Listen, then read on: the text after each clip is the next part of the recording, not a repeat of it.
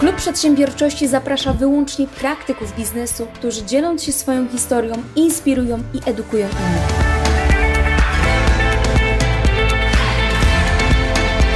Od moich gości chcę dowiedzieć się, jakie działania, a także jaki sposób myślenia powoduje, że dotarli na sam szczyt w swojej dziedzinie. Nazywam się Olga Palka i zabieram Cię razem ze mną w świat biznesu, gdzie docieram do źródła ludzkiego sukcesu. Cześć, z tej strony Olga Palka, to nowy odcinek na kanale Klubu Przedsiębiorczości. Jeżeli nas słuchasz, to witam Cię w naszym podcaście. Dzisiejszy odcinek poświęcony jest tematyce, która budzi dużo emocji, ale w przewadze są to emocje właśnie negatywne, ponieważ będziemy rozmawiali innymi o Nowym Ładzie. Poprosiłam naszą społeczność o to, aby zadali pytania, e, jakie ich właśnie nurtują na temat prowadzenia swoich działalności gospodarczych, a także zmian, które nas czekają od 1 stycznia przyszłego roku. I do tej rozmowy zaprosiłam tutaj eksperta, e, właściciela kancelarii e, podatkowej, składowcy, pana Eryka Skłodowskiego. Także dzień dobry i dziękuję za przyjęcie zaproszenia. To przede wszystkim, panie Eryku, musimy zacząć od takich tematów lżejszych, nim, nim przejdziemy do tego dużego kalibru.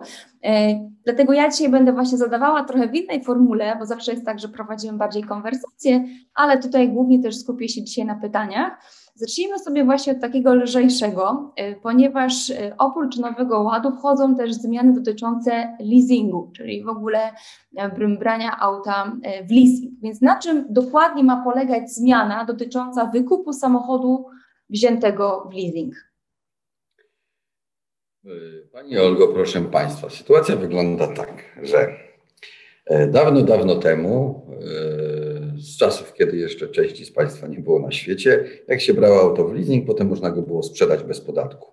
Ustawodawca powoli to ograniczał i w tej chwili przepisy dla większości podmiotów, czyli dla spółek, dla E, spółek kapitałowych, dla spółek osobowych, jawnej, komandytowej i tak dalej są takie, że auto po wykupie staje się majątkiem firmy i z majątku firmy, kiedy je sprzedajemy, to mamy przychód, mamy VAT, mamy te wszystkie daniny należne państwu, które trzeba płacić. Natomiast furtka, która pozostawała, i tutaj e, organy podatkowe jednoznacznie to interpretowały, że furtka, która pozostawała dla osób fizycznych prowadzących działalność gospodarczą, tak zwane JDG, jednoosobowa działalność gospodarcza, była taka furtka, która pozwalała ten samochód nie wykupić na majątek firmy, tylko wykupić go niejako prywatnie. Czyli mamy sobie umowę leasingu, ona trwa dwa lata, trzy lata. Po tej umowie dostaję fakturę na 1000 zł na wykup tego samochodu z leasingu i podejmowałem decyzję, że a właściwie ten samochód to jest prywatny. I w momencie, kiedy podjąłem taką decyzję, to on znikał z ewidencji firmy i zachowywał się tak, jak każdy majątek prywatny. Każdy majątek prywatny, każdy z państwa, poza oczywiście nieruchomościami, może sprzedać po pół roku bez podatku. I to właśnie ma być gumką myszką teraz. Wytarte dla osób fizycznych. Jeżeli wykupicie Państwo w przyszłym roku samochód z leasingu, to e, nie będzie propozycja jest taka, że nie będzie można go już sprzedać bez podatku dla osób fizycznych i dla spółek cywilnych. Oczywiście, yy, ponieważ przepisów nie ma, to nie wiemy też, czy będą przepisy przejściowe. Czy dla leasingów zawartych teraz będą miały zastosowania nowe przepisy, czy stare. Zwykle tak było, że stare przepisy były, jak to mówią moi koledzy doradcy podatkowi, wyryte w kamieniu, czyli jeżeli dzisiaj podjąłem decyzję o leasingu, to, jak go będę wykupywał za dwa lata, mogę zastosować dzisiejsze przepisy, bo na dzisiejszych warunkach się umawiałem z, z państwem, jak to będzie rozlicza, rozliczane. Natomiast jak to będzie w praktyce, no na dzisiaj jeszcze, na dzisiaj jeszcze tego nie wiemy. Czyli już nie będzie tak prosto, że nie daje fakturki do księgowej, tylko wszystko trzeba będzie udokumentować. Tak, tylko y, trzeba jeszcze pamiętać o tym, że E, to był ułamek, to dotyczyło tylko jednoosobowych działalności gospodarczych i spółek cywilnych. Nie dotyczyło tych, tych wszystkich innych podmiotów typu spółki e, jawne, komandytowe, ZO, akcyjne, partnerskie. To tam było rozliczane to e, od zawsze było, znaczy od zawsze, nie wiem, od 10 lat trzeba było sprzedawanych samochodów w leasingu płacić podatek. Okej, okay, to tylko jeszcze dopytam, bo nie przejdziemy do tego nowego ładu, to zakładam, że wiele osób będzie przekształcało y, na przykład jednoosobowe działalności gospodarcze w spółki, a brali leasing jeszcze na JDG. To żeby tutaj Pan potwierdził, czy jest taka możliwość, żeby ten samochód razem właśnie z tą, z tą JDG przesunąć na spółkę? Znaczy, sesja umowy leasingu jest zawsze możliwa czy to będzie przekształcenie, czy założenie nowego podmiotu. E, zawsze kwestia jest możliwa, natomiast e, z drugiej strony, czy wiele osób będzie przekształcało JDG w spółki, to wcale nie jestem taki przekonany. Okej, okay. to tutaj lecimy dalej jeszcze z takich lżejszych pytań. Mianowicie chodzi o koszty, e, czyli robienie kosztów w firmie. Teraz wiele osób podróżuje, e, śpią w różnych hotelach, jedzą w restauracjach, więc pytanie, czy można wrzucać właśnie w koszty posiłki w restauracjach, noclegi w hotelach i jakieś inne aktywności tutaj? Zawsze jest, e, Pani Jolko, tutaj zawsze jest dylemat w którym miejscu kończą się koszty osobiste podatnika, a w którym zaczynają, zaczynają się sprawy związane z firmą. I teraz wyobraźmy sobie, że jestem w delegacji służbowo w. Hmm, gdzie bym chciał pojechać, Pani Olgo? No, zróbmy Zanzibar. No to, niewiele się dzieje. Weźmy, ale... weźmy, zróbmy Polskę, będzie nam łatwiej. Zanzibar to prawda, raz byłem, ale y, jak tylko raz pojechałem na Zanzibar, proszę pani, to wróciłem z, z obrączką, naprawdę. Taka sytuacja się wydarzyła, ale wyobraźmy sobie, że jadę sobie do Wrocławia w delegację służbowo, mam tam spotkania z kontrahentem. W związku z tym koszty przejazdu oczywiście są kosztami. Koszty hotelu oczywiście są kosztami bez względu na to, czy ten hotel kosztuje 200 zł, czy 800 zł, to jest mój koszt, bo ja tam pojechałem służbowo. Koszty moich posiłków nie są kosztami, bo to są potrzeby osobiste podatnika. I teraz, jeżeli ja sobie jadąc do Wrocławia, zajadę na stację i kupię sobie hot doga, to jest moja osobista potrzeba najedzenia się, a ja dostaję od siebie jeżeli jestem pracodawcą, to, to, to od siebie nie dostaję, ale jeżeli jestem, y, wysyłam pracownika lub ja jadę służbowo, to ja mam tak zwaną dietę, czyli e, dodatek od pracodawcy na to, że poza domem żywię się drożej. Ta dieta kiedyś była 30 zł, nie wiem, czy się zmieniła w styczniu, czy nie, bo, bo jakby to nie o to chodzi. 30 zł na dzień to są koszty, które pracodawca ma mi zapłacić za to, że się żywię poza domem i kropka. Natomiast jeżeli ja się sam żywię, to to nie jest kosztem uzyskania przychodu, kropka. Natomiast jeżeli ja się spotkam z moim kontrahentem na nie jakiejś wystawnej, tylko na zwykłej kolacji, w normalnej restauracji. Co to znaczy normalna? Niestety nie ma na to e, przepisów, ale powiedzmy, że można zjeść obiad e, za 200 zł, można zjeść za 1200 zł, tak? W związku z tym na pewno ta pierwsza wersja jest akceptowalna. I teraz, jeżeli ja się spotkam służbowo we Wrocławiu z panią Olgą na kolacji, będę musiał żonie powiedzieć, no ale dobra, niech będzie, to wtedy ten rachunek z restauracji jest oczywiście kosztem uzyskania przychodu. Natomiast jeżeli ja sam pójdę do restauracji, żeby się najeść, to oczywiście nie jest to kosztem uzyskania przychodu. Natomiast to jeszcze nie koniec. Dlatego, że jeżeli ja się spotkam we Wrocławiu na kolacji służbowo w ramach naszego biznesu e, z panią Olgą na kolacji, to i wydam 200 zł, to Urząd Skarbowy będzie próbował, będzie usiłował udowodnić, że to jest wydatek e, niepotrzebny, ponad miarę, to jest knajpa i tak dalej, i tak dalej, i tak dalej. Urzędy skarbowe, właściwie chyba wszystkie, starają się wyrzucić to z kosztów. Natomiast sądy, wszystkie, mówią, że to jest kosztem. I teraz, kiedy należy tą fakturę wziąć, a kiedy tą, tą fakturę należy nie wziąć? Jeżeli ja e, jeżdżę po Polsce i takich faktur przynoszę kilka, kilkanaście miesięcznie, albo mam całą rzeszę handlowców, którzy ciągle się spotykają z kontrahentami i ciągle jedzą tak zwane ośmiorniczki w tych restauracjach i te koszty są bardzo ważnym kosztem w firmie, to my jako kancelaria zalecamy wystąpienie do e, organu o interpretację indywidualną. Opisujemy wtedy, że my bardzo często jemy kolację we Wrocławiu z panią Olgą i ona jest służbowo, tak? Oczywiście trochę żartuję, ale inaczej to by było zbyt nudne. I wtedy organ mi wydaje decyzję, że ja mogę y, wrzucać to w koszty i wrzucam to w koszty. Natomiast jeżeli taką kolację zjemy raz na rok, to za te 200 zł kosztów, e, czyli na liniowym niecałe 40 zł podatku, nie warto tego księgować, bo urząd nam to wyrzuci. Natomiast jak jesteśmy twardzi, uparci, wiemy, że mamy rację i będziemy się potem sądzić z urzędem o te 40 zł podatku, to tak, należy to księgować. Y, ale ja do tego podchodzę biznesowo, czyli jeżeli klienci mają dużo takich faktur, to je księgujemy. Jeżeli mają mało takich faktur, mówimy, słuchajcie, no, możemy to księgować, a potem jak będzie problem, y, bo będzie, na pewno będzie, w sensie jak urząd będzie nas kontrolował, to faktury z restauracji będzie starał się nam wyrzucić. Więc jak ich jest dużo, księgujcie. Jak ich jest mało, zastanówcie się, czy warto się przepychać o te parę groszy z Urzędem Skarbowym. Rozumiem, a w przypadku noclegów nie ma już takich wyzwań, to już jest tak lepiej traktowane. A jadę służbowo, e, nocuję we Wrocławiu, prosty temat. Okay. Można Wrocław zamienić też na inne miasto, też działa. Okej, okay. też nie wiem, czy, czy wiecie, ale można rower wrzucać w koszty, bo, bo też osoby, które jeżdżą na rowerach, nie wiedzą o tym, że mogą sobie kupić rower.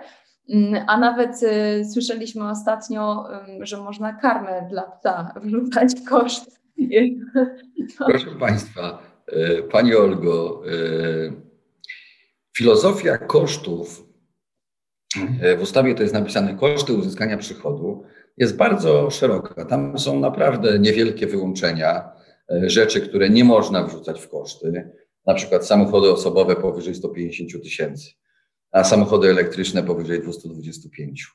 E, I jakieś tam inne rzeczy, nie wiem, ziemia, amortyzacja nie jest kosztem. Jakby katalog jest szeroki. Natomiast wszystko to, co jest związane z prowadzoną działalnością gospodarczą, jest kosztem. Ja zawsze E, z przyjemnością podaję przykłady moich klientów, którzy prowadząc jakąś aktywność zawodową, byli prawnikami, informatykami, doradcami, e, coachami, gdzieś pracowali w korporacjach, wpadali na pomysł, żeby robić jeszcze coś innego, coś, co im sprawia większą frajdę. Na przykład wpadli na pomysł, żeby zostać fotografem zawodowym, to ważne. I wtedy, jeżeli ja jako e, taki, dajmy na to informatyk, kupię sobie aparat, dwa obiektywy, torbę, e, pójdę na kurs fotografii i tak dalej, i tak dalej, i wydam na to cały sprzęt 10, 20, 30 tysięcy e, i na te kursy jeszcze drugie 10 czy 20, to potem, jeżeli ja sprzedaję zdjęcia, choćby jedno, to to jest kosztem uzyskania przychodu te całe 50 tysięcy. Natomiast jeżeli robię to dla własnej frajdy, to nie jest. Jeżeli ja e, jeżdżę do Warszawy, bo mamy główne biuro pod Warszawą, jeżeli jeżdżę do Warszawy rowerem, jeżeli na pocztę mój pracownik woli jechać rowerem, jeżeli e, takim rowerem na dwóch kołach, nie range rowerem, jeżeli ten rower jest używany w działalności gospodarczej, to nie ma wątpliwości, że mogę go wrzucić w koszty. Jeżeli to, co pani powiedziała, biega pies, po terenie. Na noc jest zamykany, on jest wypuszczany z końca i sobie biega. To oczywiście, że karma dla psa będzie kosztem uzyskania przychodu. Tylko zawsze trzeba się zastanowić, czy to, co ja robię, ma wpływ na przychody mojej firmy lub może mieć wpływ. I ten wpływ może być mały, duży. Każdy z naszych biznesów zaczynał się od czegoś małego. I teraz, jeżeli ja bym dzisiaj rozpoczął działalność fotograficzną, i wydał 50 tysięcy na te rzeczone sprzęty i kursy i tylko to bym chciał robić, to oczywiście nikt by na to nie patrzył krzywo. Krzywo patrzą dopiero wtedy, jak się zastanawiają, czy aby e, ta fotografia to nie jest hobby. To może być hobby, bo najfajniej jest, jak praca jest hobby, bo wtedy nigdy nie jesteśmy w pracy, prawda? I zawsze to wtedy można wrzucić w koszty, tylko ważny jest jeden element, proszę pamiętać o to, że żeby się nie spierać z urzędem, czy te hobby to jest praca, czy nie jest praca, fajnie jest dopisać do e, CIDG, do ewidencji działalności gospodarczej, że działalność fotograficzna.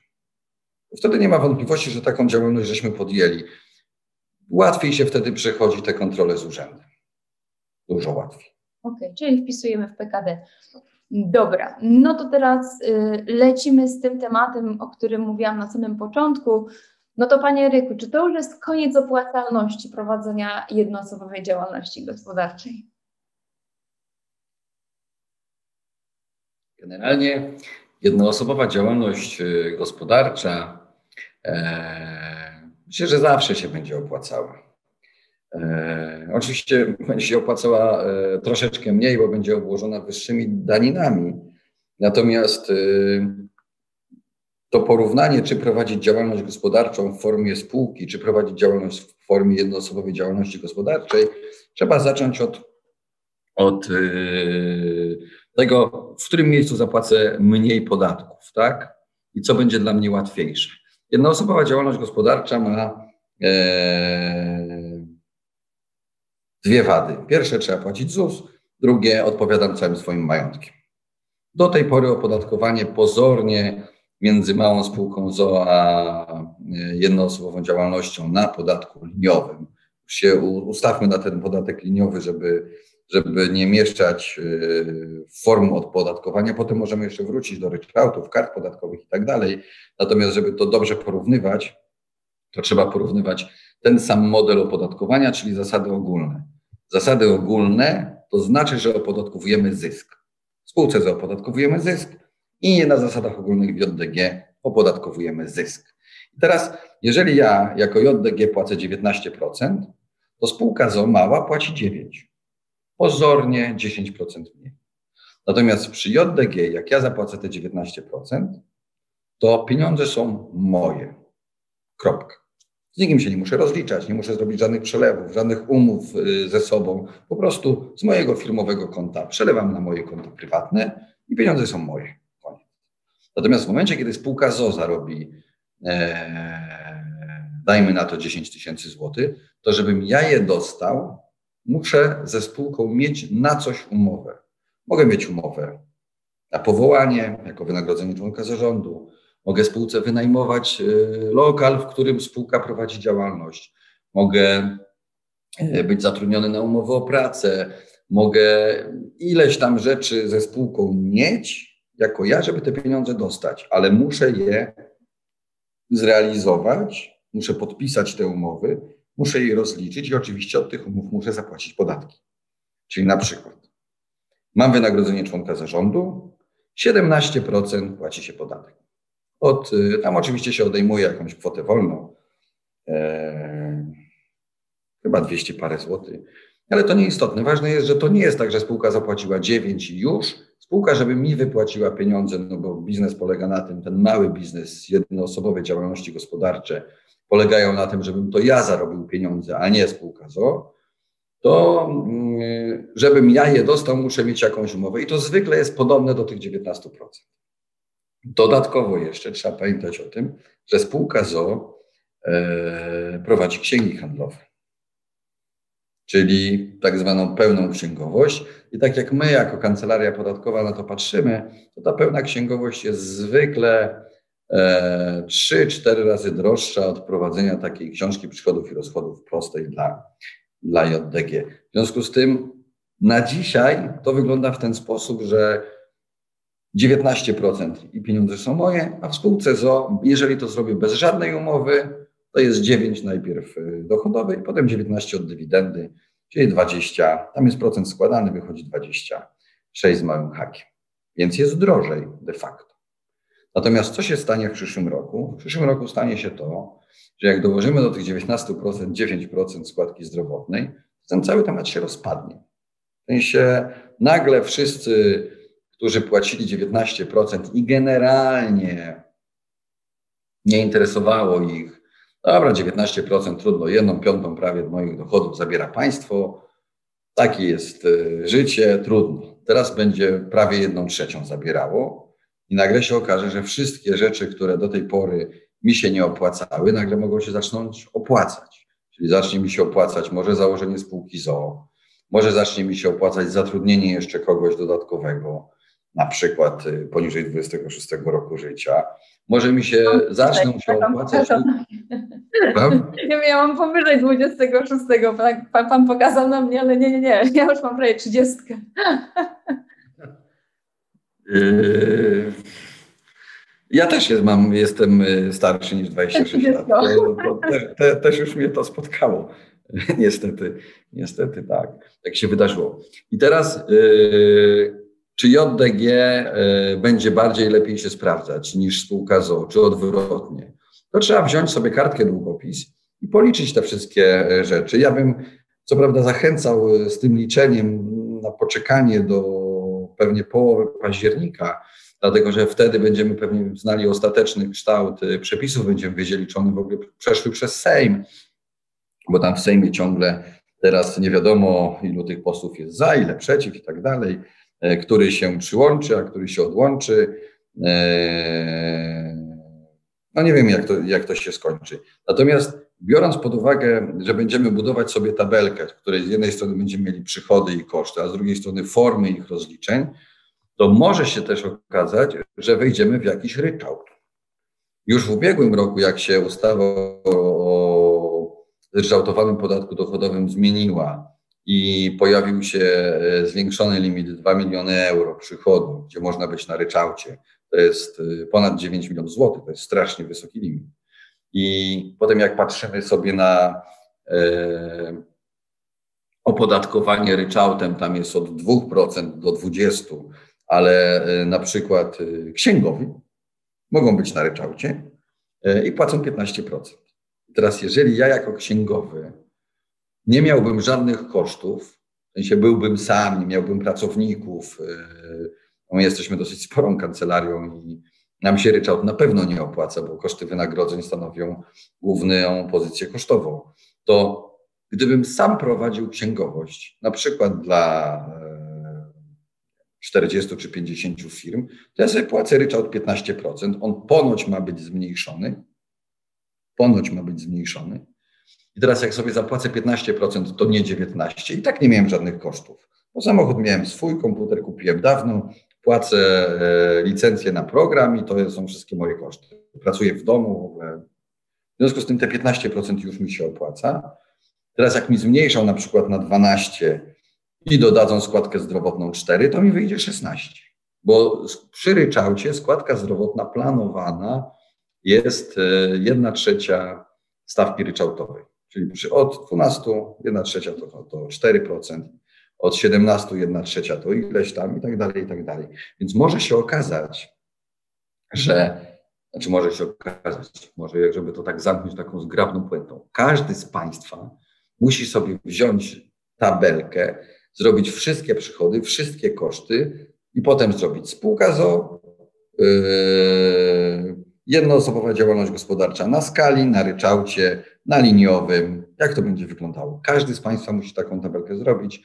Myślę, że e, takie gotowe szymelki będą powstawać, natomiast najważniejszy element przy ryczałcie, trzeba o tym pamiętać, to jest to, jaką stawką Państwa przychody będą opodatkowane.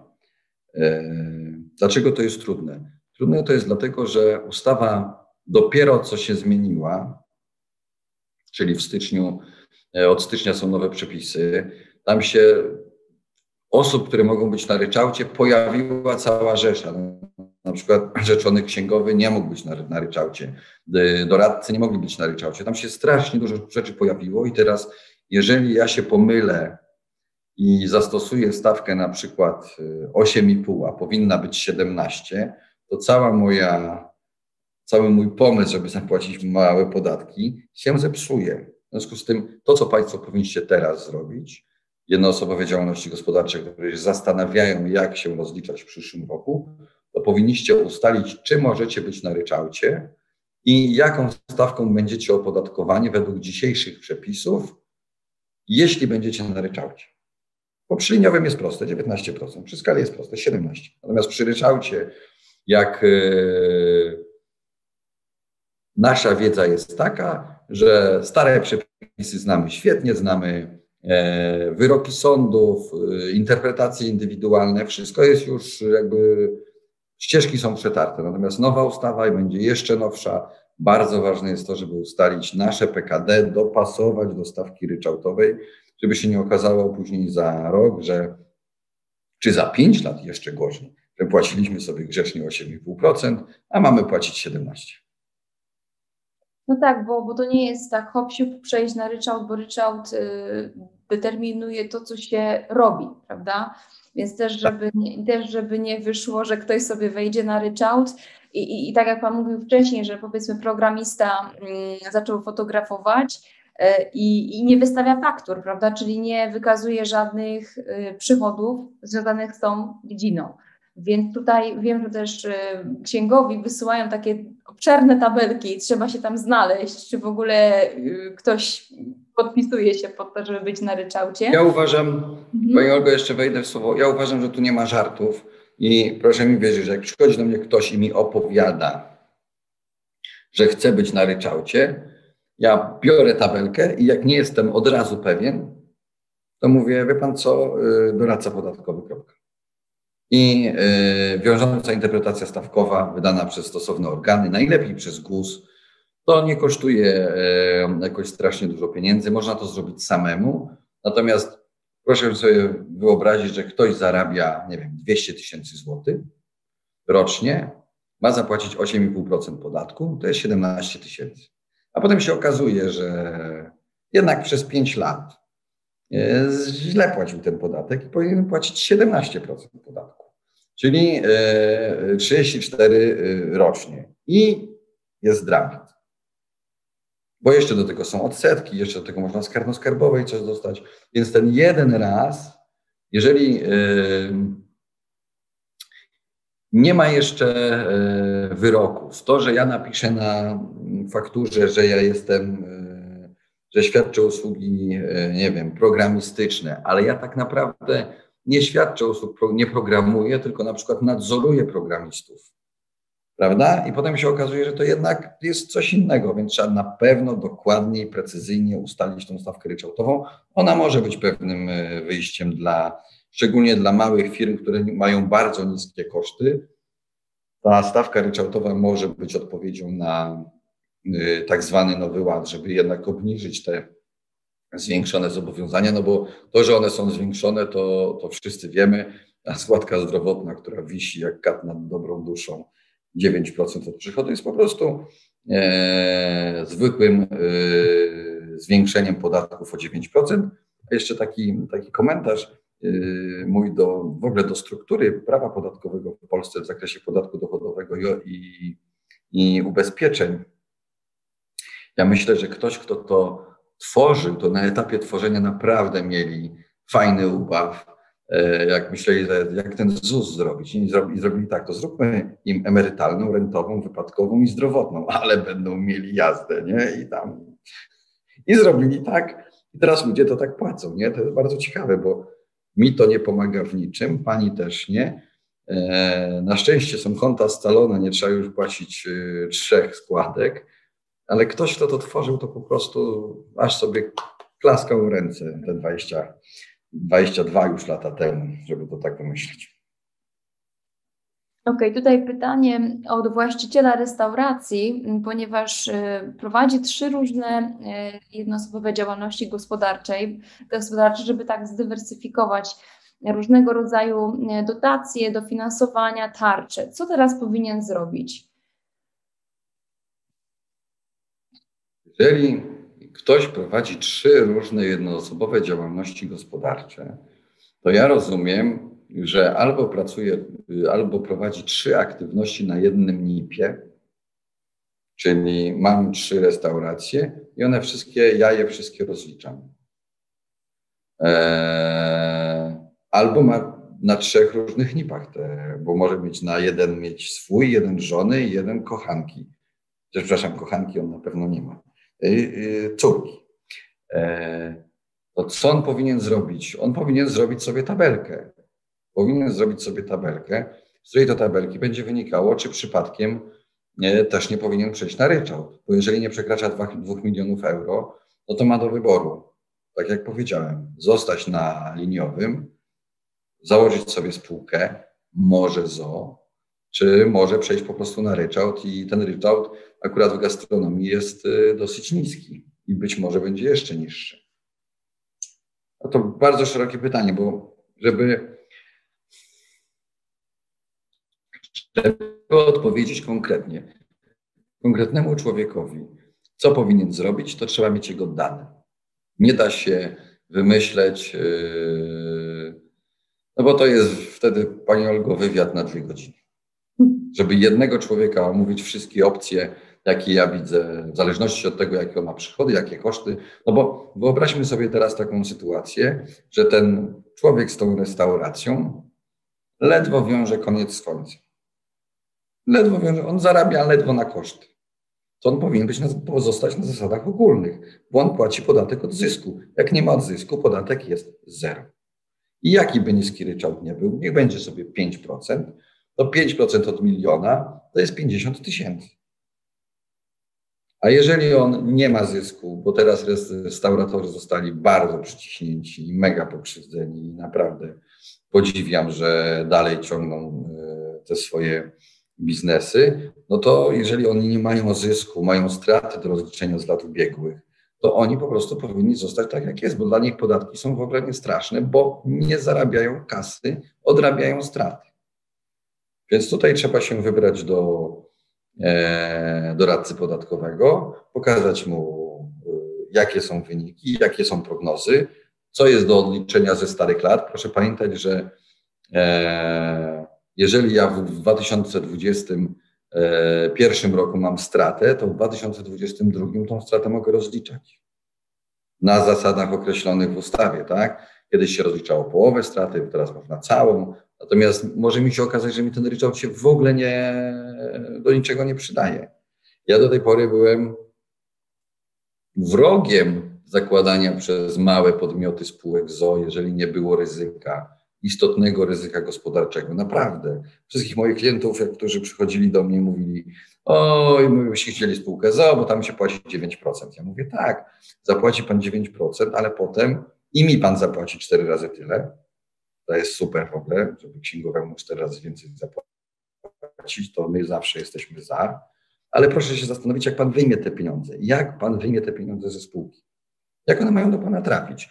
No i wtedy właśnie, a może zrobimy tak, a może taką kombinację, ale po co te kombinacje? Jak my płacimy sobie 19% bez żadnych kombinacji i mamy pieniądze u siebie. Firmy powinny się zajmować zarabianiem pieniędzy, a nie kombinacjami. Bo na tym, że ja zarabiam pieniądze w swoim zawodzie, ja zarobię dużo więcej niż na podatkach. Mówimy o legalnie działających podmiotach. Tak? Jeżeli e, ja się zajmuję szkoleniem ludzi, to płacę te 19% i nie będę marnował czasu na to, żeby e, zaoszczędzić sobie, nie wiem, 500 czy 1000 zł, tylko wolę zarobić ten 1000 czy dwa więcej i jeszcze mieć więcej pieniędzy, tak? A nie się zastanawiać, jeszcze kombinacje prowadzić. Teraz jest JPK VAT, y, urzędy wszystko wiedzą. Ja zawsze zmierzam do tego, żeby rzeczywistość była określona w naszych ramach prowadzenia biznesu. Biznes ma zarabiać kasę, a nie oszczędzać na podatkach. To jest moja filozofia. Tak myślę, że taka jest dobra. No tak. Na Każdego z Państwa życzę, żeby zaraz płacił milion złotych podatku, bo to znaczy, że zarobił 5 milionów. No właśnie przyczepi się do tego właśnie to, to, co Pan mówi, że, że kiedy płacić duże podatki, y, no nie ukrywam, że jak przygotowałam się do tego odcinka, to obejrzałam kilkanaście filmików um, takich edukacyjnych, bo, bo prowadzi Pan sam kanał na YouTube, który się w ogóle fajnie rozwija. E, I właśnie tam była poruszona tematyka, bo tak wszyscy, jak nie płacić podatków, jak je e, zoptymalizować i tak dalej. Okej, okay. tylko z drugiej strony, w momencie, kiedy ktoś ma jakieś plany inwestycyjne i na przykład w przeciągu dwóch lat będzie chciał wejść w nieruchomości, postawić jakąś tam, e, jakiś budynek i będzie potrzebował zewnętrznego kapitału, to tu się przyda ta historia, prawda? Płacenia dużych podatków. Jak to wygląda? To wygląda w ten sposób, to wygląda w ten sposób, że e, nie trzeba płacić dużych podatków. I to, żebyśmy się dobrze zrozumieli, podatki trzeba płacić takie, jakie nam wychodzą z naszego biznesu. Natomiast y, jeżeli ja usiądę sobie z klientem, on mi powie wszystko o tym, e, co sprzedaje, jakie ma koszty, jakie ma warunki współpracy, co może rozwinąć, w co może zainwestować, to jestem w stanie w miesiącu lutym powiedzieć mu, ile powinien zapłacić podatku za ten rok. W, mar- w sierpniu teraz też mu mogę powiedzieć, tam się nic nie wydarzy. Jeżeli klient e, dostaje od księgowego e, e, przelew na 5 tysięcy podatku, to on nie powinien być zdziwiony, no bo przecież jeżeli ma sprzedaż na 30 tysięcy, 5 tysięcy kosztów, 25 tysięcy zysku, podatek jest 5 tysięcy. Tam się nic nie wydarzy. Jak ktoś mi powie, że zarabia 200 tysięcy rocznie, proszę pana, zapłaci pan 40 tysięcy podatku. I teraz w momencie, kiedy e, ja z klientem ustalę, ile on płaci podatku, to po pierwsze klient jest uspokojony, że on wie, że będzie płacił 3 tysiące czy 4 co miesiąc. On wie, że to nic takiego, wie, że się na to umówił z księgowym, i że księgowy teraz już tylko poprawnie liczy. Natomiast w momencie, kiedy klient chce wykonać jakąś inwestycję, to co pani powiedziała, chce zainwestować w nieruchomości, chce e, wziąć kredyt, to wtedy im większe będzie miał dochody wykazywane, tym oczywiście zapłaci większe podatki, ale też z drugiej strony ta jego zdolność kredytowa rośnie. Natomiast ja bym chyba znaczy na pewno bym, yy, znaczy odradzam zdecydowanie yy, nieponoszenie pewnych kosztów lub też ich nieksięgowanie. To masakra. W sensie, jeżeli ja po to, żeby wykazać, że mam wyższe dochody, nie zaksięguję sobie przez pół roku jakichś tam kosztów, to w przypadku, kiedy mi się noga potknie, to może się to potem źle skończyć, bo księgowy zaksięgował to, co miał, a to, że nie księgowaliśmy, nie wiem, leasingu przez 6 miesięcy, to jest jednak takie oszustwo już, za które można mm, iść do więzienia, tak? Jeżeli ktoś nam to by wynalazł. Natomiast e, oczywiście należy dopasowywać formę rozliczeń z Urzędem Skarbowym pod kredyty, bo nie wiem, czy pani wie, ale jeżeli jestem na ryczałcie, to mam mniejsze szanse dostać kredyt niż jak jestem na zasadach ogólnych. Tak, bo nie są w stanie prognozować niby, nie? Jak to... to samo dotyczy spółki ZO. Jeżeli chciałbym zainwestować w nieruchomości prywatnie, a będę miał spółkę ZO, która to spółka będzie miała dochody, a nie ja, no to wtedy e, spółka musi prowadzić te inwestycje, ale ona też na innych zasadach dostaje finansowanie niż ja. I to, tego typu rzeczy się ustala na co rocznym albo co półrocznym spotkaniem ze swoim doradcą E, inwestycyjnym, podatkowym. No, jest sporo ludzi, którzy się zajmuje zawodowo doradzaniem w zarządzaniu majątkiem i każdy takiego, każdy, znaczy każdy, no każdy człowiek, który ma myśli o tym, żeby się rozwijać, inwestować, kogoś takiego pod ręką fajnie by było, żeby miał. Okej, okay, to tutaj dość mocno wybrzmiał e, ten ryczałt, natomiast w takim układzie, kiedy lepiej mm, posunąć się do tego, żeby zamknąć działalność całkiem i otworzyć sobie spółkę ZO? E, odpowiedź jest e, zawsze tylko jedna. Kiedy są duże ryzyka biznesowe lub też kiedy moi partnerzy wymagają, żebym miał spółkę ZO, bo Wyobraźmy sobie taką sytuację, że otwieram restaurację. Teraz. W prestiżowym miejscu człowiek, który mi wynajmuje lokal, chce ode mnie 25 tysięcy miesięcznie. To jest duży lokal. 25 tysięcy miesięcznie to jest dobra stawka w tym rejonie. Na 10 lat. Czyli muszę zapłacić 300 tysięcy rocznie bez względu na wszystko. Żaden COVID mnie przed tym nie uchroni, nawet jakaś ustawa covidowa, bo ja mam na 10 lat. I teraz, jeżeli ja bym chciał zrezygnować y, z tego biznesu, no bo zawsze jak się zaczyna biznes, to y, ja zachęcam do tego, jak, ludzie zaczynają biznes, różne sklepy, zakłady, spa, fryzjerzy, firmy budowlane czyli cokolwiek. No proszę Państwa, OK, bardzo się cieszę, że jesteście zaangażowani, ale co się musi stać, żebyście przestali? Czy zadaliście sobie to pytanie? Co się musi stać, żebyście przestali się tym zajmować? 95% ludzi e, nie ma tego wymyślonego. Nie ma tego wymyślonego. A powinien mieć. Bo na przykład otwieram tą restaurację i sobie ustawiam tak. Chcę wydać. E, ja wymyślam teraz, bo się nie znam na biznesie restauracyjnym, e, ale chcę wydać pół miliona na tą restaurację. Ona jest urządzona, ale tam muszę jeszcze parę rzeczy kupić, muszę ją zatowarować, zatrudnić ludzi, wydać na reklamę i tak dalej, i tak dalej. I widzę, jak otworzyłem tą restaurację i widzę, jak tych pieniędzy mi ubywa. Bo mam jeszcze niewielu klientów, nie jestem e, e, znany, rozpoznawany. E, powoli do mnie przychodzą, to się powoli nakręca. I sobie po roku patrzę, że zostało mi już tylko 100 tysięcy. A sobie założyłem, że nie wydam więcej niż 500, tak? No to jadę sobie jeszcze dalej i dojeżdżam do kolejnego roku i widzę, że już mi zero zostało już nic nie mam. I wtedy powinienem sobie się zastanowić, czy ja dalej chcę prowadzić ten biznes, czy też chciałbym się wycofać. W momencie, kiedy miał, mam spółkę ZO, idę do właściciela i mówię dzień dobry, wie pan co, bo ja bym chyba już nie chciał tego prowadzić, bo mi ten biznes nie poszedł. Straciłem pół miliona, no i trudno, no, no nie poszło. A właściciel mówi mi, że ja mam umowę na 8 lat.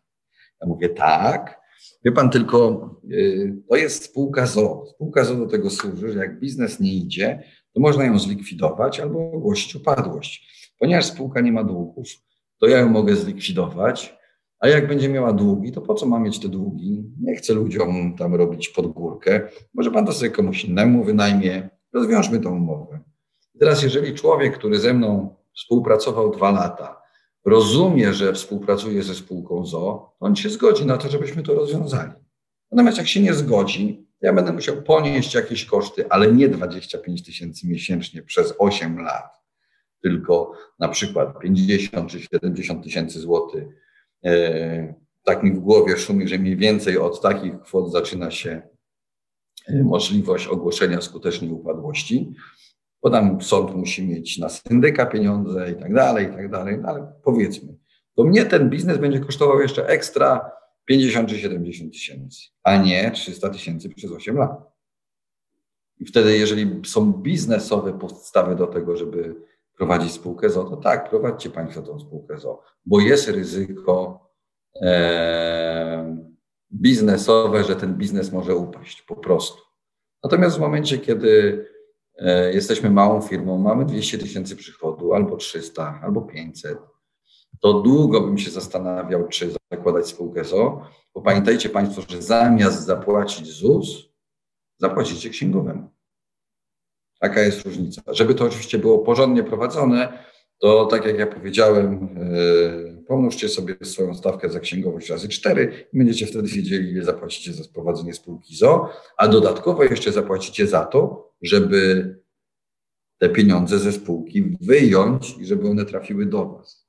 Bo nie można tak sobie pójść i wypłacić, znaczy część klientów tak robi, tak nie wolno robić. Można, dokładnie, później jest różnie, można, można odpowiedzialność karną ponieść. No właśnie, a jak wypłacać te dywidendy, jeżeli chodzi o tej członków zarządu? Yy, tutaj pani to troszeczkę inaczej nazwała, a troszeczkę inaczej to tak naprawdę jest. Wynagrodzenie członka zarządu, które jest z tytułu powołania, wypłaca się po prostu uchwałą. Podejmujemy uchwałę, ta uchwała mówi, że wynagrodzenie członka zarządu dla Eryka wynosi w roku 2021 na przykład 50 tysięcy. Możemy to wypłacić jednorazowo, możemy to wypłacić w ratach. Do 85 tysięcy to jest w skali podatkowej E, znaczy, przepraszam, w skali podatkowej jest cały czas, ale do 85 tysięcy jest 17%, powyżej jest 32% i to się łączy z innymi dochodami z umów zleceń, stosunku pracy i tak dalej. Czyli jeżeli ja nie mam żadnych innych dochodów, nie mam umowy o pracę, nie mam nigdzie zlecenia, nie mam umowy o dzieło, to do 85 tysięcy spółka za mnie zapłaci 17% podatku, ja dostanę gotówkę. A spółka ma koszty. Spółka ma 50 tysięcy kosztów, a 17% musi za mnie zapłacić.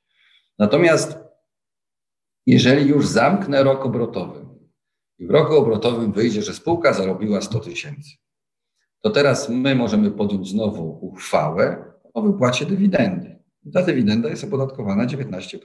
Też pieniądze trafiają do mnie, ale to jest po opodatkowaniu tym 9% podatkiem, czyli e, wyobraźmy sobie, że spółka zarobiła 100 tysięcy, zapłaciła 9% podatku, zostało 91 i od tych 91 19% znowu płacę i zostaje ileś tam i to wypłacam udziałowcom. Tak wygląda proces. Ten pierwszy, wypłacenie wynagrodzenia członka zarządu, jest prosty, łatwy i przyjemny. W przyszłym roku się nie, nie tyle skończy, co też ponoć ma być opodatkowany, e, opodatkowany kolokwialnie mówiąc, bo niby to nie jest podatek, tylko składka zdrowotna. To jest po prostu podatek, tylko inaczej się nazywa. E, I będzie 17 i dodatkowo 9. A dywidenda to jest już zyski kapitałowe i one są opodatkowane po prostu 19%, tak zwany podatek belki.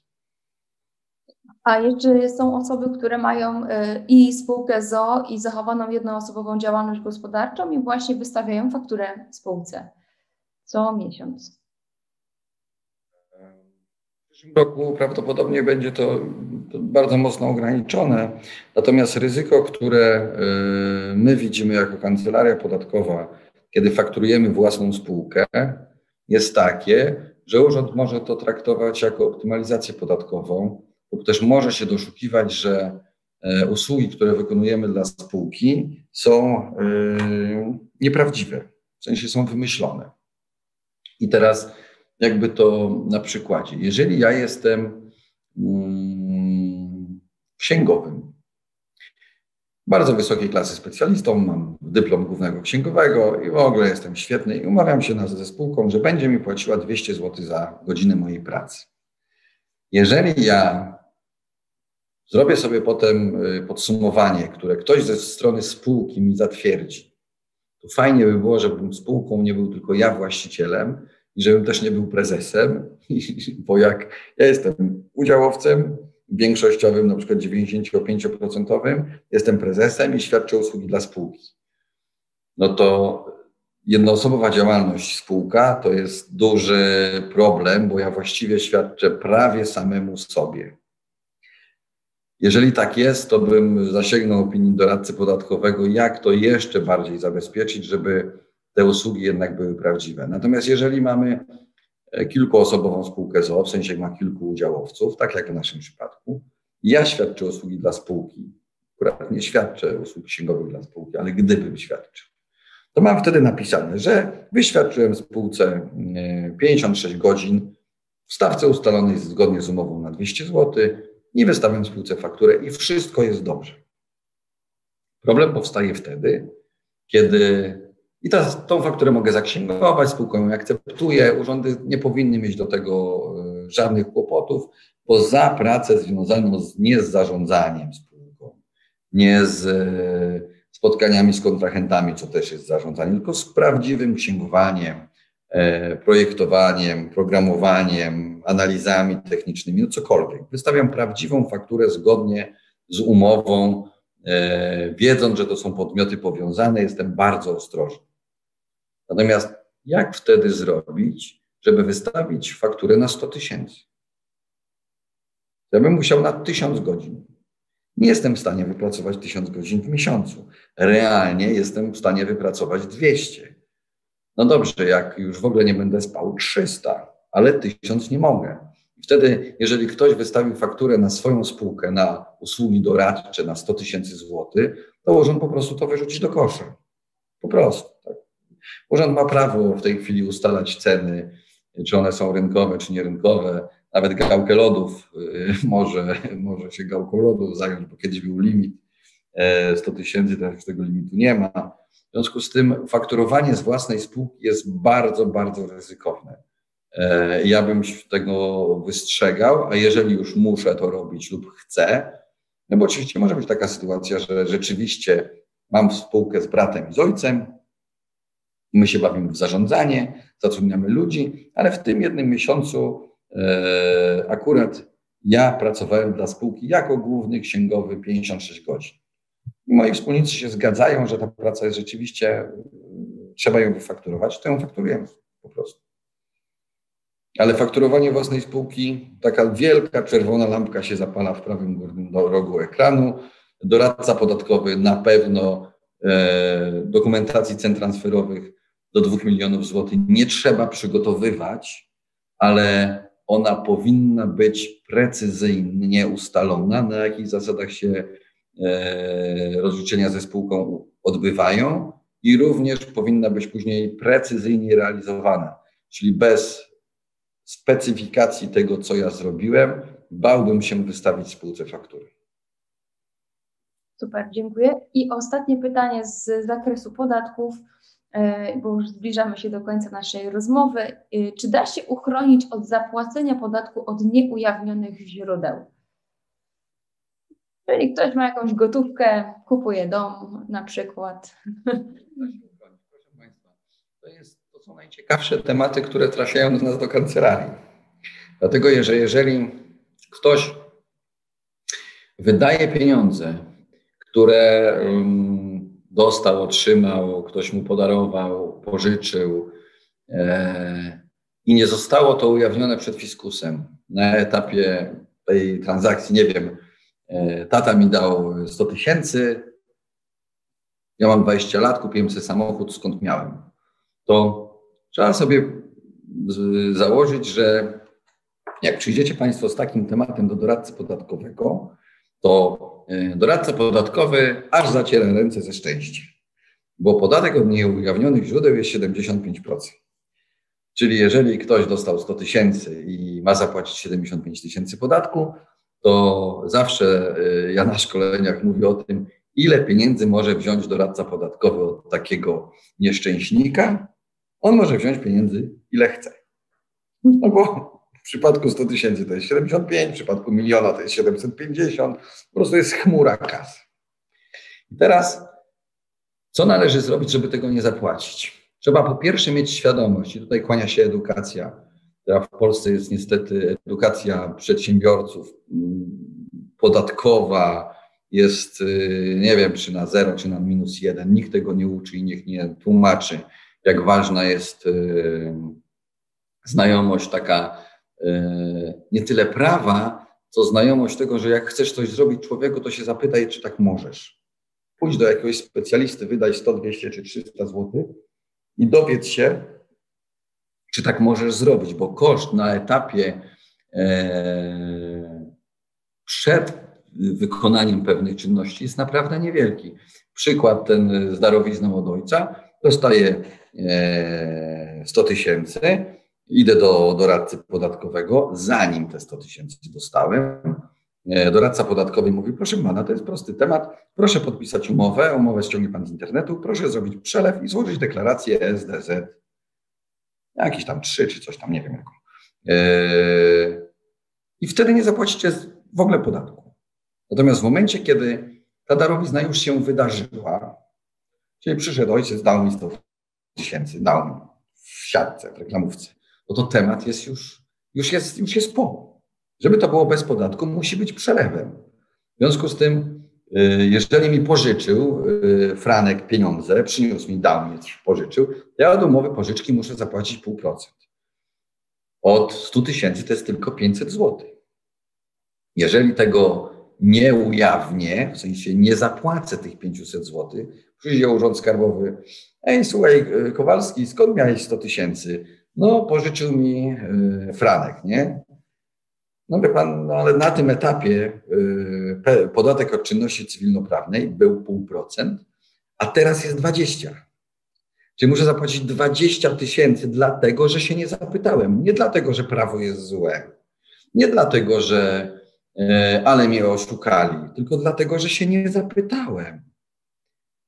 Powinniście Państwo przed wykonaniem każdej czynności, która po pierwsze jest dla Was nowa, nigdy wcześniej tego nie robiliście i nie wiecie, jak to robić od strony prawnej czy podatkowej, zasięgnąć opinii kogoś, kto się na tym zna. I on wtedy powie, słuchaj, ale tą umowę pożyczki, jak już ją dostałeś, tak ją zgłosimy do Urzędu Skarbowego, to jest pół procent. Pół procent od 100 tysięcy 500 zł. Wszystko jest na legalu. Wszystko jest legalnie, nie mamy żadnych problemów. Eee, Nie, nie przyjdzie nam, potem przyjdzie Urząd Skarbowy, to za samego doradcę podatkowego zapłacimy za dwie, czy za trzy, czy za cztery godziny kilkaset, czy, czy tysiąc złotych za to, że on się tym zajął. Tymczasem podatek był 500 złotych.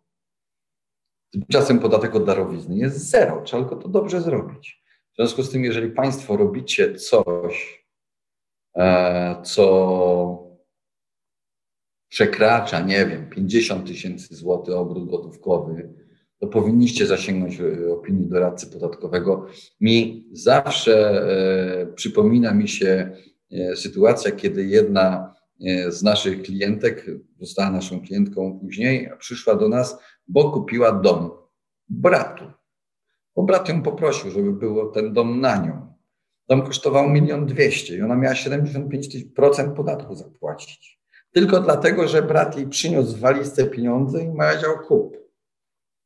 Rozumiecie Państwo? I teraz yy, tam strasznie to długo trwało yy, i strasznie dużo pieniędzy kosztowało. I te pieniądze są absolutnie wyrzucone, dlatego że gdyby przyszła z bratem dopytać się, jak to zrobić, to doradca podatkowy zrobiłby to w 2, 3, 4, dobra, może 8 godzin, zapłaciliby y, za to kilka e, tysięcy złotych i mieliby od razu dobrze.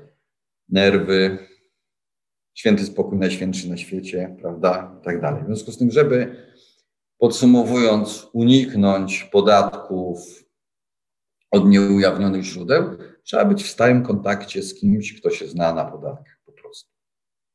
Przed dokonaniem transakcji. Powiem jeszcze taką ciekawostkę. Wszedł do mnie klient i mówi, że ustalił z córką, że córka też będzie małym deweloperem. W związku z tym dał jej działkę. Aktem notarialnym dał jej, nie? 400 tysięcy w plecy. Dlatego, że podarowana działka nie jest kosztem uzyskania przychodu. Czyli jak działka kosztowała 2 miliony, gdyby ją y, sprzedał, wniósł do spółki, cokolwiek, to ma 2 miliony kosztów. Będzie, kiedy ją dał, to córka już nie ma tych kosztów. Nie ma. 2 miliony kosztów, czyli 400 tysięcy na podatkach. I y, zanim, zanim coś zrobicie, przyjdźcie do doradcy podatkowego, czy też do kogoś, kto y, wie, jak wasz biznes wygląda, jak wyglądają wasze finanse. Tak? Ten doradca podatkowy to brzmi bardzo mocno, e, ale tak powinno być, bo nasze doświadczenie wskazuje, że właśnie brak doradcy podatkowego rodzi, rodzi te wszystkie kłopoty. Są też tak wiele zapytań w internecie, bo, bo każdy gdzieś tam szuka. No tutaj od razu robimy reklamę, no bo mogą przyjść do Was, prawda, do, do Waszej kancelarii.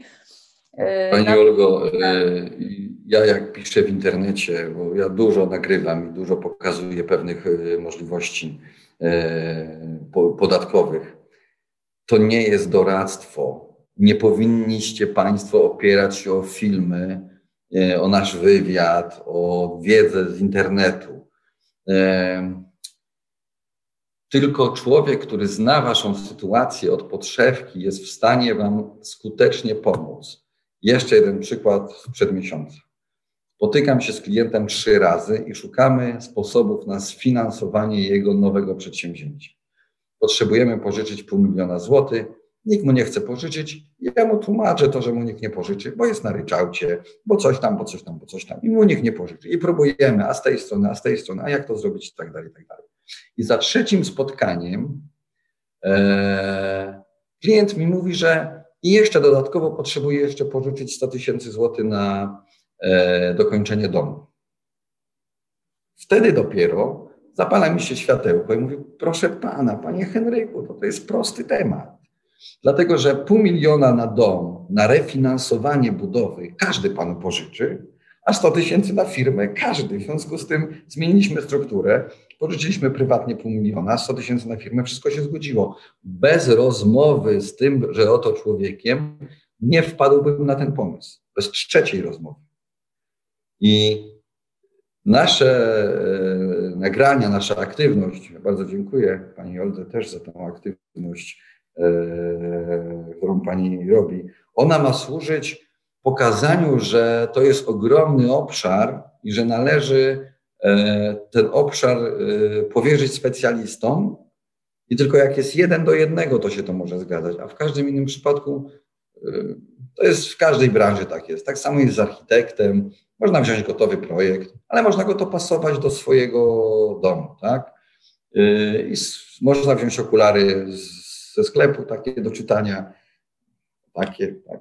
Ale można je dopasować do siebie, wtedy byłbym troszeczkę przystojniejszy. E, z podatkami nie ma żartów, z prawem nie ma żartów. Ja zachęcam do tego, żebyście Państwo to robili jednak u profesjonalistów. Tak jak dentystów, tak samo. Dentyści, ten numer z klamką i z zębem działa, ale jednak dentysta zrobi to lepiej. Okej. Okay. To takie ostatnie pytanie, które zadaję wszystkim moim gościom, to jest jak zaprogramować się na bogactwo i co to bogactwo oznacza? Dzisiaj było dużo o pieniądzach, więc, więc jak tutaj okiem doradcy? Nie wiem. Nie wiem, Pani Olgo, ja od 15 lat twierdzę, że mam najlepiej na świecie. Ktoś musiał mieć akurat, y, wypadło na mnie.